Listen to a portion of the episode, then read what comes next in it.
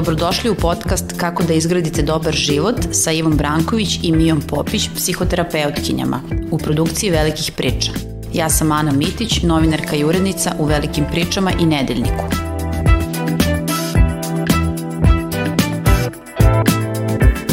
Ne propusti neverovatne akcije, na laži i neproverene informacije. Manipulacije u omotu, gratis. Laži bele domaće, tri po ceni jedne. Prazne priče više vrsta, besplatno. Ne žuri, zalihe traju. I trajaće. Čitaj ono što je važno. Pretplati se na velike priče. Ima ta jedna rečenica, ja uvek biram pogrešne i to smo svi mnogo puta čuli od osoba iz našeg bliskog okruženja, ono kad drugarica raskine sa dečkom pa kaže, eto, kako ja uvek biram pogrešne, a Mija i e, ja smo bile zajedno u društvu kada smo čule tu jednu rečenicu od jedne devojke uh, Uh, pošto se povela tema iz psihologije, uh, pričali smo o vezama i odnosima i onda ona postavila pitanje zašto se meni uh, dešavaju toksične veze. Zato ćemo u ovoj epizodi pokušati da odgovorimo na to pitanje uh, zašto neko bira partnera uh, ili partnere za koje se posle ispostavi da su bili pogrešni, uh, zašto uvek bira te pogrešne i zašto neko uopšte ostaje u toksičnoj vezi ako zna da to nije dobar uh, izbor. Uh, da li je preterivanje kada neko kaže uh, tu rečenicu zašto ja uvek biram uh, pogrešne osobe? Da li, uh, da li su ljudi skloni da uh, svaku osobu sa kojom su bili u vezi pa nisu više nazivaju uh, pogrešnom uh, kada shvate da, da je to je vezi kraj ili neko zaista stvarno bira pogrešne osobe iznova i iznova? Da, ovo je super pitanje zato što treba da razdvojimo e, to da prosto neki odnosi nisu uspeli, ali su, nas nisu ostavili potpuno ono emo, emotivno opustošene, nego smo se prosto rastali, nismo želeli iste stvari ili šta god. To je i dalje u granicama neke normale, ali kad kažemo baš pogrešni, ja mislim da tu ulazimo u oblast toksičnih odnosa, gde zaista je pogrešan po nas neko e, ko e, prosto radi određene stvari, sad doći ćemo i do toga koje su to ponašanja, a na osnovu kojih mi onda ostajemo potpuno emocionalno deprivirani, sa osjećanjem praznine, sa raznim nekim fizičkim ovaj, e, simptomima, jer e, često se kaže da nas toksične veze fizički i psihički urušavaju. Tako da ja bih onda nekako ovaj, se složila da to jesu pogrešne osobe i da je onda ovo vrlo validno pitanje. Zašto biram ljude koji su štetni po mene? Možda bi to bilo preciznije pitanje. E, zbog čih ponašanja se osjećam e, loše i onda se nekako još više trudim da to sačuvam umesto da iz tog odnosa izađem. Dobro, zašto onda neko bira ljude koji su loši po njega? Neko kome se to dešava iznova i iznova. Uh, videla sam jedan dobar izraz, poznat izraz dan mrmota. Znači neko mm -hmm. stalno ulazi, uh, izađe iz jedne veze koja je toksična pa opet uđe u toksičnu vezu. Znaš šta, ovo je vrlo kompleksno pitanje i ovo je velika tema koju mi sasvim sigurno nećemo danas za 20 minuta obraditi, ali možemo da damo ljudima neke smernice uh, koja pitanje sebi da postave. Znači, ako nam se ponavljaju određeni partnerski odnosi, onda je uh, to vrlo verovatno reakcija na neku traumu ili na neku emocionalnu deprivaciju. Šta po time podrazumevam? Uh, mi prosto ulazimo u partnerske odnose uh, po principu neke poznatosti. Znači, idemo tamo gde nam je poznato. I ukoliko smo sada to nekako potpuno pojednostavim, imali oca koji je emocionalno hladan, odsutan, koji ne pokazuje ljubav, e, pažnju, koji nije empatičan i ne prepoznaje naša osjećanja. Dobra je šansa da ćemo mi ići ka istim takvim osobama u želji da danas toj priči damo drugačiji epilog. Dakle, možda tata me nije volao, ali ako nađem nekog sličnog njemu i uspem da me zavoli, onda ću i ja nekako sebi konačno pokazati da sam vredna ljubavi. Tako da Dan mrmota je zapravo dosta dobro e, objašnjenje, jer mi ponavljamo određene obrazce, pokušavajući da damo drugačiji epilog od onoga koji nas je ranio najčešće u ranom detinstvu I e, to je zapravo problem, zato što nikada ne dolazimo do tog epiloga, jer sa takvim ljudima koji nemaju šta da ti daju, kao što verovatno nisu mogli ni roditelji koji su najčešće bili ili emocionalno nezreli ili su prosto imali neki poremećaj ili zbog raznih nekih drugih razloga, ti ako tražiš iste takve, ishod će biti isti. I to, to je ono što je zapravo problematično u ovoj priči. Pa ovo je jedno vrlo racionalno objašnjenje, mislim da da je jedan dobar odgovor svima koji se pitaju zašto mi se to dešava stalno. A, pročitala sam a, a, u jednom a, istraživanju, tačnije u pitanju studija iz 2009. koja otkrila da, na primjer, čerke alkoholičara, znači žene koje nisu alkoholičarke, ali su imale oca ili nekog od roditelja koji je bio alkoholičar, imaju duplo uh, više nego dvostruko veće šanse da se udaju za uh, alkoholičar odnosno na čerke nealkoholičara. To je ovo što Tako si ti sad... To je upravo to. U, u nešto konkretnijem primeru, ali to je to. Mi idemo tamo gde nam je poznato u nadi da će to ovog puta biti drugačije I uh, jedna strana priče su ti neki emocionalno nedostupni partneri koji prosto nemaju da nam daju uh, empatiju, uh, toplinu. Ali ima tu i druga strana priče. Mi uh, često ponavljamo spasilački vid ponašanja, gde tražimo one koje je potrebno zbrinuti, pobrinuti se za njih, uh, biti neki negujući uh, partner, prosto imati tu neku ulogu negovateljice ili negovatelja i uh, na taj način se isto uh, kako bih to najjednostavnije objasnila, ocepljujemo se od sobstvene ranjivosti. E, želimo da spasimo druge i u njih smeštamo sobstvenu ranjivost i onda opet odigravamo to spašavanje na način kako smo mi nekada davno maštali da budemo spašeni. I zapravo svako ponavljanje je potvrda da se nismo dobro susreli sa sobom i videli šta su te neke naše ranjivosti, šta su naša osetljiva mesta, šta su neke traume koje smo prošli, a za koje smo ostali slepi. Jer dokle god ti tražiš emotivno nedostupnog partnera da te on konačno zavoli kako te nije volao recimo otac ili majka, ili tražiš nekog ranjivog partnera koji je e, prosto nesposoban da se sam brine o sebi, koji ima razne neke probleme i slično, ti pokušavaš da spasiš nekog onako kako si želao da ti budeš spašen nekada davno. Znači i jedno i drugo nam pokazuje da postoji neka slepa mrlja, da ne mm -hmm. vidimo neke svoje ranjivosti i da moramo malo prvo da se pobrinemo za sebe, da zacelimo sebe, da ne bi ušli u novi krug ponavljanja. Da, ali kako da se prekine taj dan mrme, mrmota, kako smo ga već nazvali, i, i taj krug ponavljanja? To, to nije postoje... uopšte jednostavno, nije. koliko sam shvatila, ako nije. neko iznova i iznova ulazi u Nije, toksične veze. Znaš šta je tu problem? Ja to sad ovako kada opišem, to je vrlo racionalno. I da. mnoge, e, mnogi žene i muškarci koji nas sad slušaju će se u tome prepoznati. Ali nije dovoljan taj racionalni uvid da bi ti prestao da ponavljaš. Mm. Ono što je potrebno je susret sa svojim unutrašnjim detetom. I mnoge e, terapijske škole, neki terapijski modaliteti, kao što su e, recimo šema terapija koja kombinuje i psihoanalitičke ove neke uvide sa nekim savremenim terapijama, e, prosto imaju niz tehnika koje pomažu osobi da se poveže sa unutrašnjim detetom, da prepozna te svoje ranjivosti i da razgovara sa svojim unutrašnjim detetom. Postoji sjajna knjiga Dete u tebi treba da pronađe svoj mm -hmm. zavičaj e, i tu postoji niz nekih e, načina i vežbi kako da mi sebe zbrinemo da ne bismo očekivali da će nas neko drugi zbrinuti ili težili da mi nekoga spašavamo onako kako smo želeli da budemo spašeni. Dakle, to mora da bude emocionalni uvid koji ide iz iskustvenih vežbi i susreta sa svojim unutrašnjim detetom. Pa recimo jedna vežba je da uzmete neku sliku sebe sa 5, 6, 7 godina ili prosto nekog perioda za koji prepostavljate da vam je bio težak u životu i da onda se zapitate šta treba tom mom unutrašnjem detetu.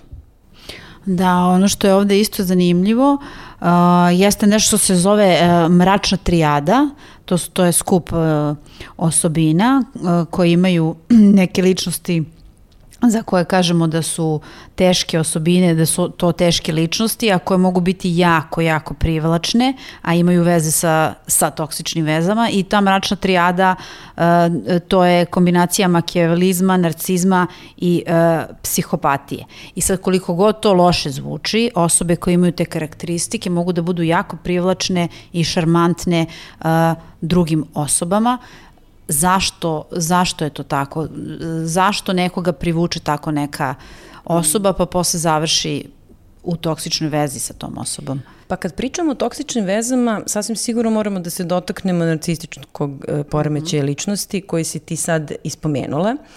Dakle, to su ljudi koji su vrlo zavodljivi, koji su vrlo vođeni impresijom koju drugi imaju o njima i umeju da pronađu način kako da se dopadnu. Najčešće ih opisujemo kao samopouzdane, šarmantne i harizmatične. I ova tema je definitivno pokrivena od strane doktorke Ramani, topla preporuka za sve koji nas sad slušaju i negde prepoznaju se u ovome. Um, ona govori da najjednostavnije rečeno i to je možda jedan od najboljih saveta koji možemo da damo ljudima je da kad vidimo da je neko samopouzdan, šarmantan i harizmatičan, možda je vreme da pobegnemo. I to je sad, znaš, malo problematično zato što se to smatra vrlo kao tri neke vrlo pozitivne osobine koje se vrlo plasiraju u savremenoj kulturi ali zapravo iza toga vrlo često uh, leži jedna vrsta nesigurnosti i upravo ta narcistička struktura ličnosti koja je na površini šarmantna i samopouzdana, a zapravo je iza toga jedna zjapeća rupa i jedna nesigurnost koja traži da se stalno ogleda u tuđem divljenju. I ono što je zapravo ovde vrlo problematično jeste da osobe koje imaju poljuljenu sliku o sebi, koje su ranjene od strane svojih roditelja, koje su večito dovodili u pitanje u smislu da li su dovoljno dobri, Znači, da prepostavimo da su odrastali u jednoj takvoj porodici u kojoj su ih stalno nešto kritikovali, um, maltretirali, govorili im da nisu dovoljno dobri. Takva jedna osoba je idealna meta za narcisa jer će u tom narcisu da vidi konačno samopouzdanje i tu neku sigurnost i ako me taj narcis zavoli, mene ovako nesigurno, pa onda sigurno i ja valjam. I onda se oni tako sklope u jednom, mhm. jednom simbiotskom ovaj, odnosu u kome ova e, ranjiva osoba u narcisu vidi snagu, a narcis u ranjivoj osobi vidi naravno divljanje i onda je to, mislim, sasvim sigurno nije happily ever after, nego je to jedna traumatična E, veza u kojoj ova ranjiva strana najviše strada. Da, i to je jedan začarani krug e, i objašnjava zašto je to e, teško prekinuti. Tako je, tako je, ali znaš, ja mislim da mi ovde stvarno moramo da pošaljemo tu e, poruku da samopouzdanje, harizma i šarm e, koje vidimo i u romantičnim komedijama i kad gledamo ovaj, čitav taj savremeni narativ kako se ljudi povezuju i zaljubljuju, uvek su to neki tako šar, šarmantni i harizmatični tipovi. Ja mislim da je stvarno vreme nekako da podvučemo da e, i osobe koje imaju neku vrstu i nesigurnosti, malo su sramežljive i obazrive, da to, je, da to takođe možda bude vrlo privlačno. Da, kada si rekla, kada si spomenula te filmove uh, i, i te neke romantične predstave o ljubavi, izljubljivanju uh, i vezama, uh, ono što je kao neko uh, opšte mesto jeste ta ljubav na uh, prvi pogled, pa imamo i one rečenice uh, re, čuvena rečenica da kao uh, jedina je ljubav prava, a ona ljubav koja, koja boli. Uh, To, to, mm. to mi negde ovako... Da, asot... ljubav je patnja. Da, mora da se pati. Da. Koliko da. to veze ima sa, sa, sa ovom temom, jer mi, mislim, negde smo, odrastamo i slušamo uh, te rečenice i kroz pop kulturu i, u muzi, i kroz muziku i kroz filmove i onda imamo potpuno pogrešne predstave o tome kako to treba da izgleda. Onda smo, recimo, nađemo se u toksičnoj vezi i kažemo pa da, ali kao to je prava ljubav, mislim, to mora da boli. Da. Um, Nedavno sam baš u velikim pričama uh, čitala uh, članak uh, u kome između ostalog bila sagovornica i uh, moja profesorka sa fakulteta Tatina Vukosavljević-Gvozden koja je rekla divnu stvar, ona je rekla da ljubav na prvi pogled treba da se drugačije imenuje kao privlačnost, a ne kao ljubav. Znači to nije ljubav, to je privlačnost, a privlačnost se često dešava po principu poznatosti. I ta hemija koju mi smatramo neophodnom za ljubav i za ljubljivanje e, nije ništa drugo nego privlačenje onoga što nam je poznato, a što često zapravo može da bude patologija pa nas privuče, kao što smo malo pre rekli, e, muškarac alkoholičar, zato što nam je to poznato iz porodičnog konteksta. Dakle, nama ume da bude neodoljivo privlačno ono što je poznato, a to što nam je poznato nije nužno i zdravo za nas. I ljubav stvarno jeste, ovaj, mada to ne, nećemo zvati ljubavlju, nego ta vrsta povezanosti stvarno jeste patnja, zato što je to traumatska povezanost. Mi se vezujemo za one koji neodoljivo podsjećaju na osobu koja nas je rano traumatizovala, kad kažem vezujemo na taj neki fatalan način i tu ima puno hemije.